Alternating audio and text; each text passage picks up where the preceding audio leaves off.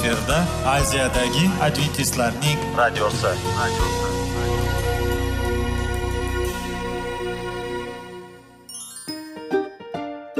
Assalomu alaykum aziz radio tinglovchilar. Sog'liq daqiqasi rubrikasiga xush kelibsiz. Zero tananing sog'lom bo'lishi va uning kasalliklardan saqlash har bir insonning burchi hisoblanadi. Inson uchun bebaho boylik bu sog'liq salomatlikdir. Uni asrash esa har birimizga omonat qilib berilgan. Shuning uchun ham inson o'z sog'lig'ini ehtiyot qilishi voajib amallardan hisoblanadi.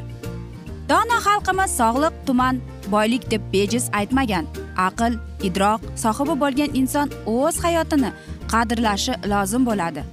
Hozirgi kunda qanchalik dori darmonlar ko'paymasin tibbiy muassa sifati shifokorlar vasiyasi tibbiy texnika yaxshilanmasin. Agar insonning o'z salomatligi haqida qayg'urmasa kutilgan natijaga erishib bo'lmaydi va biz sizlarga bizning dasturimizga xush kelibsiz deymiz.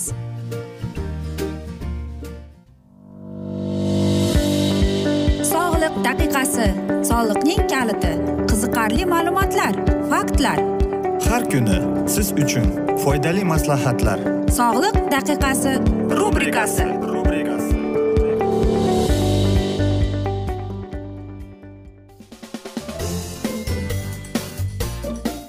assalomu alaykum aziz radio tinglovchilar. Dasturimizga xush kelibsiz va biz sizlar bilan besh daqiqa sog'liq uchun deb atalgan dasturimizda xushvaqt bo'ling deb aytamiz va bugungi bizning dasturimizning mavzusi yurak deb ataladi.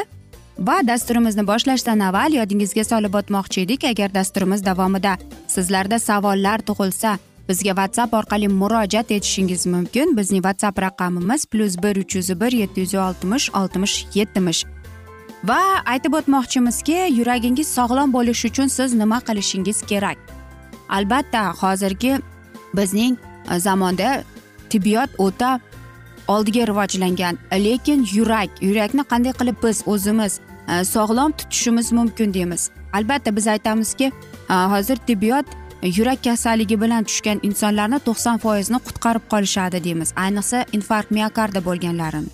Lekin Э, shunday ham bo'ladiki insonning mana shunday kasalini oldini olishga qanday e, men olishim mumkin qanday e, o'zimdagi bo'lgan parhezmi yoki qanday ovqatlarni iste'mol qilsam bo'ladi qanday mevalarni iste'mol qilsam bo'ladi qanday sog'lom turmush tarzini olib borishim kerak degan savollar bilan o'tadi. Bugun biz sizlarga dasturimizda albatta e, bir nechta maslahatlar berib o'tamiz yuragingiz sog'lom bo'lishi uchun. Birinchidan albatta Э, siz sigaret chekmasligingiz kerak. Chunki u arteriyalarni tomirlarini tor qiladi va albatta bu narsa miokardga olib keladi deydi. Va hattoki deydi siz ozgina sigaret cheksangiz ham deydi bu yurakka o'ta katta zararni keltiradi deydi. Ikkinchidan siz o'zingizdagi bo'lgan qon tomir aytaylikki qon bosimingizni doimo o'lchab turishingiz kerak. Agar sizning qon bosimingiz bir yuz qirqqa to'qson bo'lsa demak siz darrov davolanishingiz kerak. Chunki aynan yuqori qon bosim yurakka ta'sir qiladi deydi. E, uchinchidan e, jismoniy mashqlar qilishingiz kerak. Chunki hech bo'lmasam bir kunda o'ttiz yoki qirq minut bo'lsa ham daqiqa bir haftada uch marta o'tkazishingiz kerak. Albatta faol hayot e, bu sizga Э, nafaqat sizga boshqalarga ham juda katta o'rnak bo'ladi va foydali bo'ladi deymiz. Va eng muhim narsa siz e, yuragingizga juda e'tiborli bo'lishingiz kerak. Bu o'zingizdagi bo'lgan belingizdagi uning raqami. Masalan aytaylikki belning eng past narsasi e, raqami bu sakson sakkiz bo'lishi kerak ekan. Agar deydi erkaklarda bir yuz ikki ayollarda sakson sakkiz bo'lsa demak ularda deydi yurak qon tomir kasalliklari bor deydi. Uchinchidan siz to'g'ri sog'lom ovqatlanishingiz kerak. Demak sizdagi taomnomangizda kamroq yog'lar shakar tuz va go'sht bo'lishi kerak. Shuning uchun ham sizlarga sog'lom ovqatlanish kerak. Ko'proq mevalarni iste'mol qiling. Sabzavotlarni yong'oqlarni va olivka yog'idan iste'mol qiling deymiz.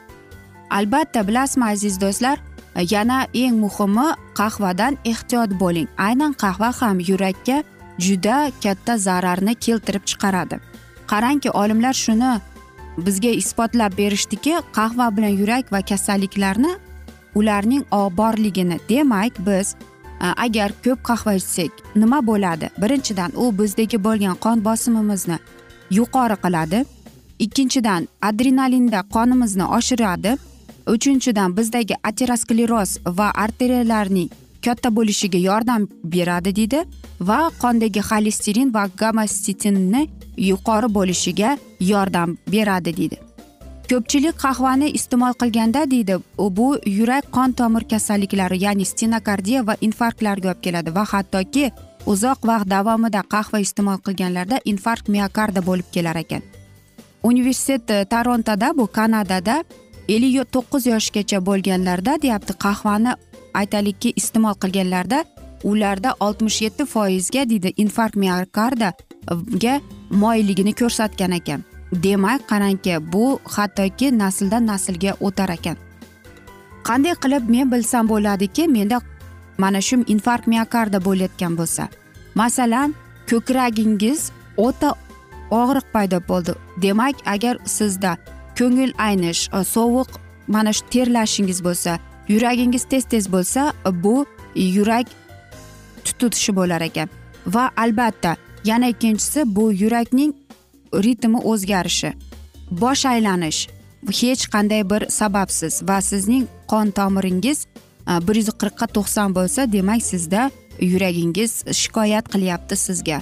Va olimlar shuni aytadiki ko'proq deydi musiqa insonlar eshitishi kerak deydi. Chunki aynan musiqa deydi yurakka judayam ijobiy salbiy ta'sir ko'rsatadi deydi. Qon bosimini pasaytiradi va yurak urishining ishini pasaytiradi deydi. Og'riqni va qandaydir bir siqilishlarni bezovtalikni musiqa olib tashlaydi deydi. Musiqa tinch bo'lishi kerak deydi. U hech qanday bir shovqin bo'lmaslik kerak va albatta musiqa tinglaganingizda deyapti. Siz klassik musiqalardan ishlatishingiz kerak bo'ladi deydi. Va shundagina mana shunday narsalar bilan deydi insonlar o'z yuragini saqlab qoladi deydi. Va aziz do'stlar men o'ylaymanki bizning dasturimiz sizga mamnun bo'ldi deb. Chunki afsuski mana shunday asnoda biz bugungi dasturimizni yakunlab qolamiz. Vaqt birozgina chetlatilgan afsuski lekin keyingi dasturlarda albatta mana shu mavzuni yana o'qib eshittiramiz. Umid qilamizki bizni tark etmaysiz deb chunki oldinda bundanda qiziq va foydali dasturlar kutib kelmoqda deymiz. Va agar sizlarda savollar tug'ilgan bo'lsa bizga whatsapp orqali murojaat etishingiz mumkin. Plyus bir uch yuz bir yetti yuz oltmish oltmish yetmish yoki bizning salomat klub internet saytimizga taklif qilib qolamiz. U yerda barcha qiziqtirayotgan savollaringizda javob topasiz deymiz. Va albatta biz sizlar bilan xayrlashar ekanmiz. Sizga va oilangizga tinchlik totuvlik sog'lik salomatlik tilab o'zingizni va yaqinlaringizni ehtiyot qiling deb xayrlashib qolamiz.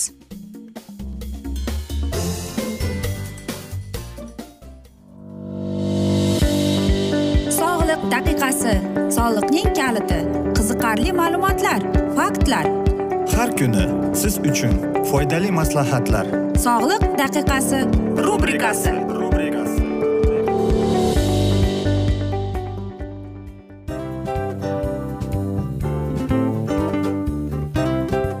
mana ha hayotda hamma narsaning yaxshi narsalar tugaydi va yakunlaydi degandek bizning dasturimizga ham yakun keldi.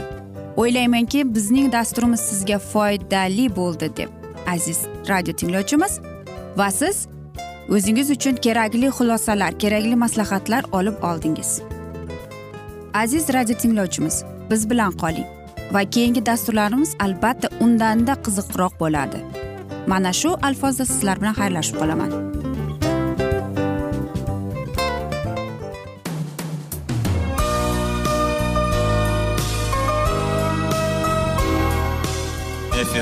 Aziyadagi adventistlarning radiosi.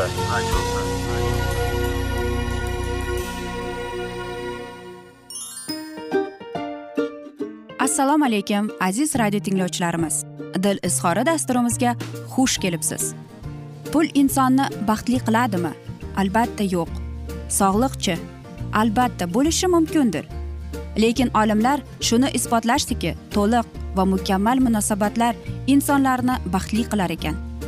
Albatta biz hayot davomida biz yaqin insonlar bilan odamlar bilan aloqada bo'lamiz va ular bilan munosabatlarimiz qanday kechadi qanday tuziladi?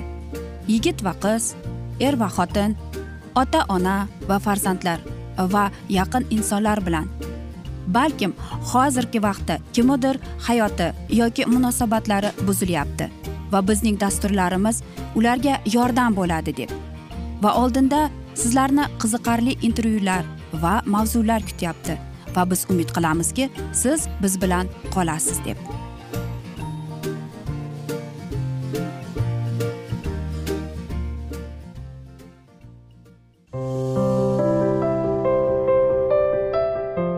Kuni har xil kasbdagi odamlar bilan sirlashish va bo'lishish sevgi rashq munosabat bularni hammasi dil izhori rubrikasida.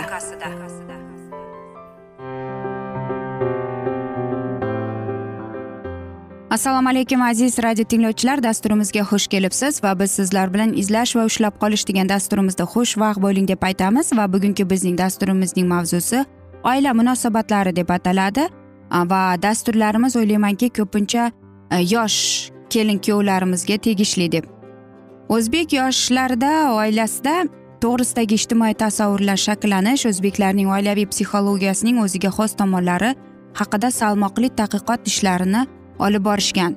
Va shuni aytib o'tishadiki ularning fikricha oilaviy ijtimoiy tasavvurlar murakkab va ko'p komponentli psixologik tizimlar bo'lib ularning tarkibiga oilaning umumiy qadriyatlari shaxslararo munosabatlarga xos tasavvurlar erkak va ayol fazilatlari ularning oilaviy munosabatlardagi o'rni va ahamiyati to'g'risidagi oilaviy rollar va ularni amalga oshiruvchi ijtimoiy ustanovkalar reproduktiv tasavvurlar va boshqa ijtimoiy tushunchalar kiradi deydi.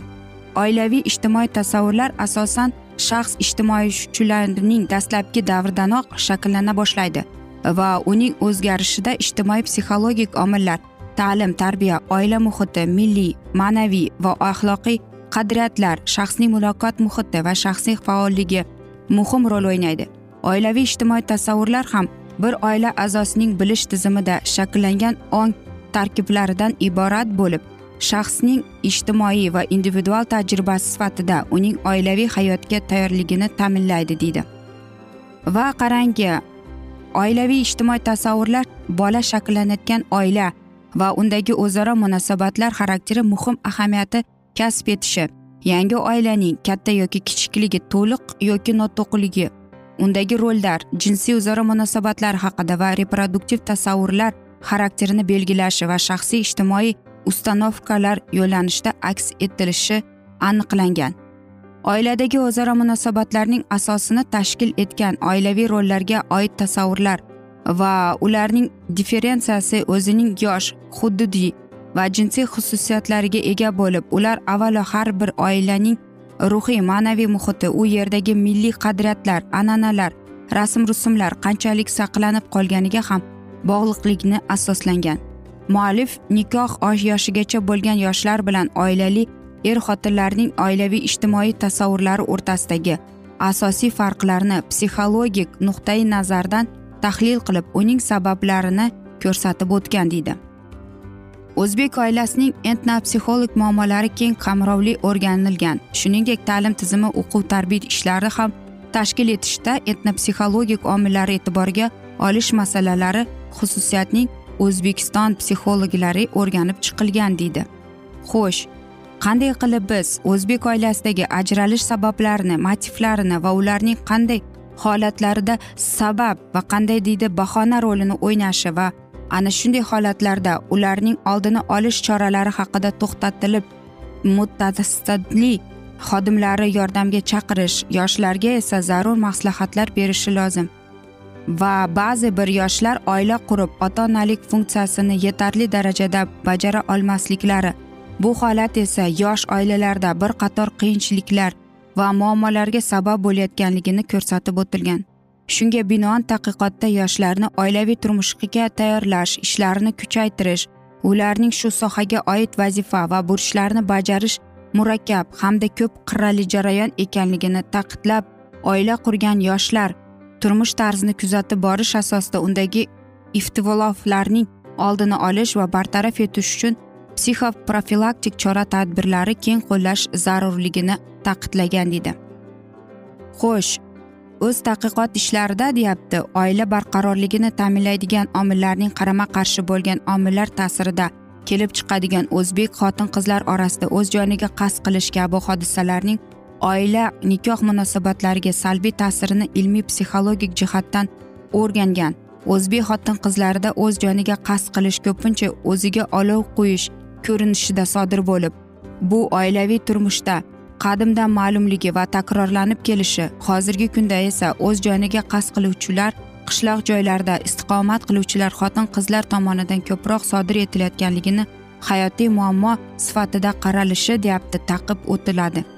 Tadqiqot natijalariga ko'ra bunday hodisalar ko'proq noto'liq oilalar hayotida uchraydi va uning eng muhim sabablari oiladagi muntazam tus olgan nizolar kelishmovchiliklar qarshi taassurotlarga chiday olmaslik ibo hayo ifatning ustunlik qilishi yoki irodasizlik o'zini o'ldirish orqali g'olib ko'rsatish kabi hissiy emotsional psixologik xususiyatlar ta'sirida o'zgaga yuzaga kelishi ilmiy asoslanib berilgan deyapti. Va qarangki o'zbek oilasida er xotin orasidagi nizolar boshqa millat vakillari rus ukrain va boshqa oiladagi nizolardan farqlanishi ya'ni o'ziga xos etnopsixologik xususiyatlariga ega ekanligini aniqlangan. O'zbek oilalaridagi er xotin orasida nizolarning kelib chiqishiga milliy madaniy muhitiga mos bo'lgan niholdagi omillarning xususiyatlari ya'ni ba'zida tanishishi imkoniyatning bo'lmasligi yoki qisqaligi ham ta'sir etishi natijada yuzaga kelgan nizo sabablari tomonlaridan o'zidan qidirmasligi uni bartaraf etishda ota onalarga tayanish oiladagi o'zaro munosabatlar qo'pollik asosiga qurilishi va boshqa bir qator deyapti salbiy holatlar yuzaga kelishi ko'rsatib o'tiladi. Ha aziz do'stlar mana shunday afsuski salbiy bir tadqiqotlar lekin o'ylaymanki hozir bunday kamayib borgan. Biz esa mana shunday asnoda bugungi dasturimizni yakunlab qolamiz chunki vaqt birozgina chetlatilgan. Lekin keyingi dasturlarda albatta mana shu mavzuni yana o'qib eshittiramiz aziz do'stlar. Umid qilamiz bizni tark etmaysiz deb chunki oldinda bundanda qiziq bundanda foydali dasturlar kutib kelmoqda deymiz. Va biz sizlar bilan xayrlashar ekanmiz. Sizlarga va oilangizga tinchlik totuvlik sog'lik salomatlik tilab. Va albatta aziz do'stlar o'zingizni yaqinlaringizni ehtiyot qiling deb seving seviling deb xayrlashib qolamiz.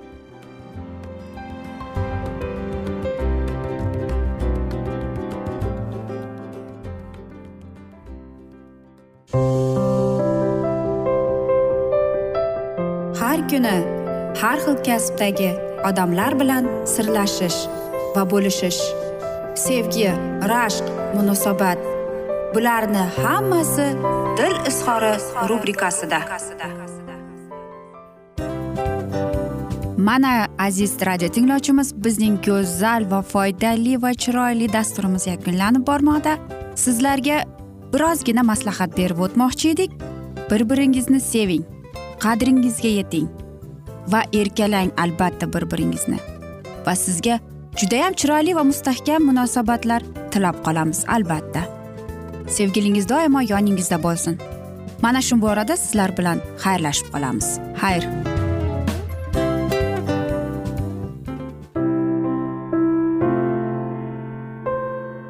Hayotning noni. Qiziqtirgan savollar va javoblar. Buning hammasi ko'ngil uchun oziqa rubrikasida.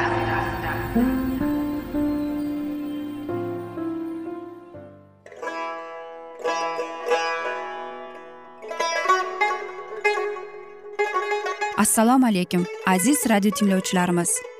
Ko'ngil uchun oziqa rubrikasida xush kelibsiz deymiz.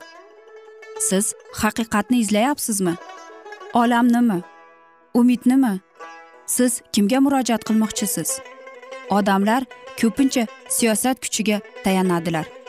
Dunyo iqtisodiyoti holati tobora chuqurlashib bormoqda. Tabiiy ofatlar va texnogen halokatlar minglab insonlarning hayotini olib ketib juda katta zarar yetkazmoqda. Sizga abadiy hayot inomini hadya qiluvchi va hayotingizni tubdan o'zgartiruvchi haqiqatni izlab toping. Xudo haqidagi haqiqat uning kalomida mujassamlashgan. Kimki bu haqiqatni butun qalbi bilan izlasa albatta unga yetishadi. Bu sevgi xudoning tarixidir. Hayotingizda yoki sizning yon atrofingizdagi olamda nimalar yuz berishidan qat'iy nazar? Siz ertagi kunga buyuk umid va ishonch hosil qilishingiz mumkin. Hozirda xudo sizga taklif qilayotgan umid ishonchga o'z qalbingizni oching va sizni qiziqtirayotgan mavzularni savollaringizga javoblaringizni topib olasiz deb umid qilamiz. Biz bilan qoling.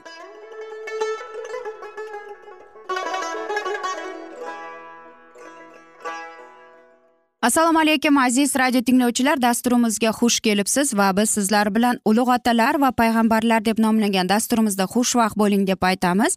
Va bugungi bizning dasturimizning mavzusi o'zingizni ollohga bag'ishlang deb ataladi. Olloh va'da beradi meni qidiring va topasiz. Agar butun qalbingiz ila qidirsangizlar deyiladi. Yuragimizni butunlay ollohga topshirishimiz lozim. Shunday bo'lmasada bizni qayta tiklab asl holga ya'ni samoviy otamizga o'xshash holatga keltirish uchun bizning vujudimizda o'zgarish bo'la olmaydi. Tabiatimizga munosib biz parvardigorimizdan uzoqdamiz. Sizlar bir vaqtlar gunoh va jinoyatlaringizning tufayli ruhan o'lgan edingizlar deb muqaddas ruh bizni holatimizni pavel orqali tasvirlaydi. Uning bir sohit joyi yo'q. Butun boshi yara va tamomila bitgan. Yana hamma shaytonning tuzog'iga ilindi chunki iblis ularni asir qilib o'z irodasini o'tkazishga majbur qilgan. Tangrimiz bizni davolab najot bermoqchi lekin shunga yetish uchun biz to'la o'zimizni ijodkorimizga topshirishimiz kerak. Chunki bizning tabiatimiz mukammal o'zgarib yangilanishi lozim. Umrimizda bo'lgan kurashlarda nisbatan o'zlik degan e, bilan kurash eng qiyin kurash. Ha o'zini allohga topshirish va o'z irodasini uning irodasiga itoat ettirish bu kurashni talab qiladi. Ammo jonimiz muqaddaslikda yangilanishi uchun birinchidan u ollohga uning irodasiga bo'ysunmog'i lozim. Tangri taoloning dunyo ishlarini boshqarishi fahmsiz itoat qildirishda fikr yuritmay uning nazoratida bo'ysundirishda asoslanmagan. Uni shunday ekanini ko'rsatishga shayton harakat qiladi. Allohning boshqarishi insonning ongiga va insofga murojaat etadi. Allohning boshqarishi insonning ongiga va insofiga murojaat qilib keling va fikr yuritaylik deydi xudomat. Bu tangrimizning uning kuchi bilan yaratilgan zotlarga taklifidir.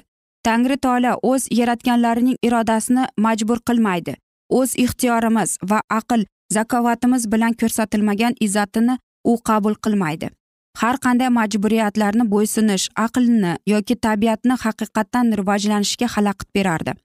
Odam tirik jon avtomat emas allohning niyati boshqacha. U shuni xohlaydiki odam uning yaratilish ishida toj ekan u o'z taraqqiyotida eng baland imkoniyatlarga erishsin.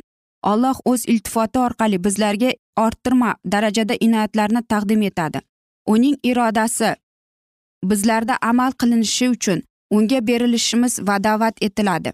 Lekin biz gunohga qo'l bo'lishdan ozodlanib otamiz o'g'illarining shuhratli erkinligida qatnashish o'zimizga bog'liqdir. Allohga o'z hayotimizni topshirar ekanmiz uning bizni bilan nimayam ajratib turgan bo'lsa shulardan biz voz kechishimiz lozim. Shuning uchun najotkorimiz deydi shunday qilib sizlardan har biringiz o'zingizning bor yo'g'ingizdan ko'ngil uzmasangiz mening shogirdim bo'lolmaysiz. Yuragimizni allohdan uzoqlashtiradigan narsalardan voz kechishimiz kerak. Ko'plarning buti bu pulparastlikdir. Pulni sevish boylikka intilish bular shaytonning kishanlab qo'yadigan oltin zanjiridir. Odamlarning bir guruhi mashhurlikka va yer sharafiga topinadi. Boshqalarning buti esa bu yengil shaxsiyatparast hayot va har qanday mas'uliyatsizlikdir. Lekin shu qul zanjirlar vayron bo'lishi lozim. Biz yarmi parvardigorimizga yarmisi shaytonga berilib yasha olmaymiz. Agar biz to'liq jihatda samoviy otamizga berilmasak e, biz uning bolalari emasmiz. Odamlarning ichida shundaylari borki ular to'g'ri tabiatga yetishib najotga erishish uchun allohning qonuniga amal qilishda faqat o'zlarining kuchiga ishonadilar va shuning uchun ular allohga xizmat qilishlarida ishonadi. Ularning yuraklarida isoga nisbatan chuqur muhabbat tuyg'ular tug'ilmagan. Lekin ular masihiy hayotining burchini bajarishga tirishadilar va xizmatlarida samoviy saltanatga kirish uchun xudo ulardan shu xizmatni talab qiladi deb ishonadilar. Shunday din foydasizdir. Yurakda masih yashagan paytda inson joni uning muhabbati bilan quvonchli munosabati bilan shunchalik to'lib ketadiki hatto uni xotiralaganda va inoyati to'g'risida chuqur tafakkur qilganida o'zining men deganini unutadi. Parvardigorimiz o'ziga jalb qiladigan sevgini sezadigan odamlar uning talablarini qondirishda kamroq berishni tirishmaydilar. Ular eng past me'yorni qidirmasdan balki xaloskorning irodasini tufayli mukammal rozilikka intiladilar. Samimiy ixlos bog'lab ularni borini beradilar va qidirgan narsaning bahosiga munosib e'tibor ko'rsatadilar. Masihni chuqur sevgisiz e'tirof etish puch gap. Quruq tashqi ko'rinish va og'ir mehnatdir. Butun borliqni masihga berish juda katta qurbonlikmi? Siz qanday fikrdasiz? O'zingizga savol bering. Men mening uchun masih nimayam berdi. Ollohning o'g'li bizlarni qo'lga kiritish uchun barini berdi. Hayotini muhabbatini va azoblarini endi biz shunday buyuk muhabbatga arzimaganda nahotki o'z yuraklarimizni unga topshirmasdan tiyib qolsak shunday bo'lishi mumkinmi?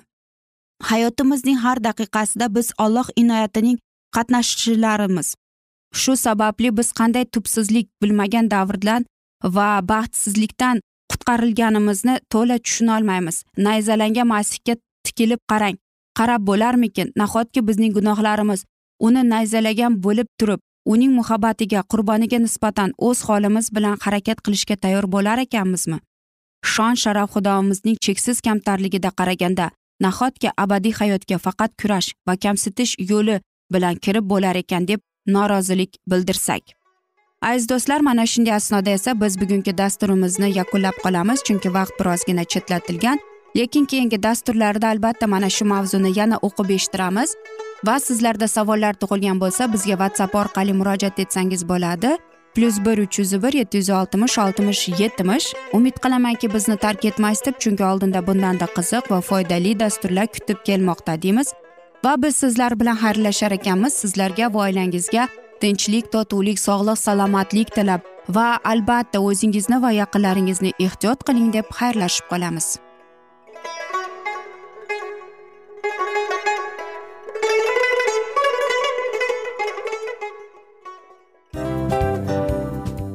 Aziz radio tinglovchimiz hamma yaxshi narsaning yakuni bo'ladi degandek bizning ham dasturlarimiz yakunlanib qolmoqda. Aziz do'stlar o'ylaymanki bizning dasturlarimiz sizlar uchun judayam foydali bo'ldi deb bizning dasturlarimizdan siz o'zingizga foydali va judayam kerakli maslahatlar oldingiz deb. Masalan sog'liq borasida biz sizlarga sog'liq tilaymiz albatta lekin bizning maslahatlarimizga ham amal qilishga unutmang. Munosabatlarga kelganda bu munosabatlar chuqur va yaxshi bo'lishi uchun uni ustidan ishlash kerak albatta. Diniy masalaga kelsak aziz do'stlar bu judayam jiddiy va chuqur nazarni talab qiladi. Ammo biz sizlar bilan xayrlashib qolmaymiz keyingi dasturlarda eshittirishimizni davom ettiramiz va sizlar bilan mana shu yaxshi kayfiyatda xayrlashib qolamiz. Va keyingi dasturlarda ko'rishguncha xayr!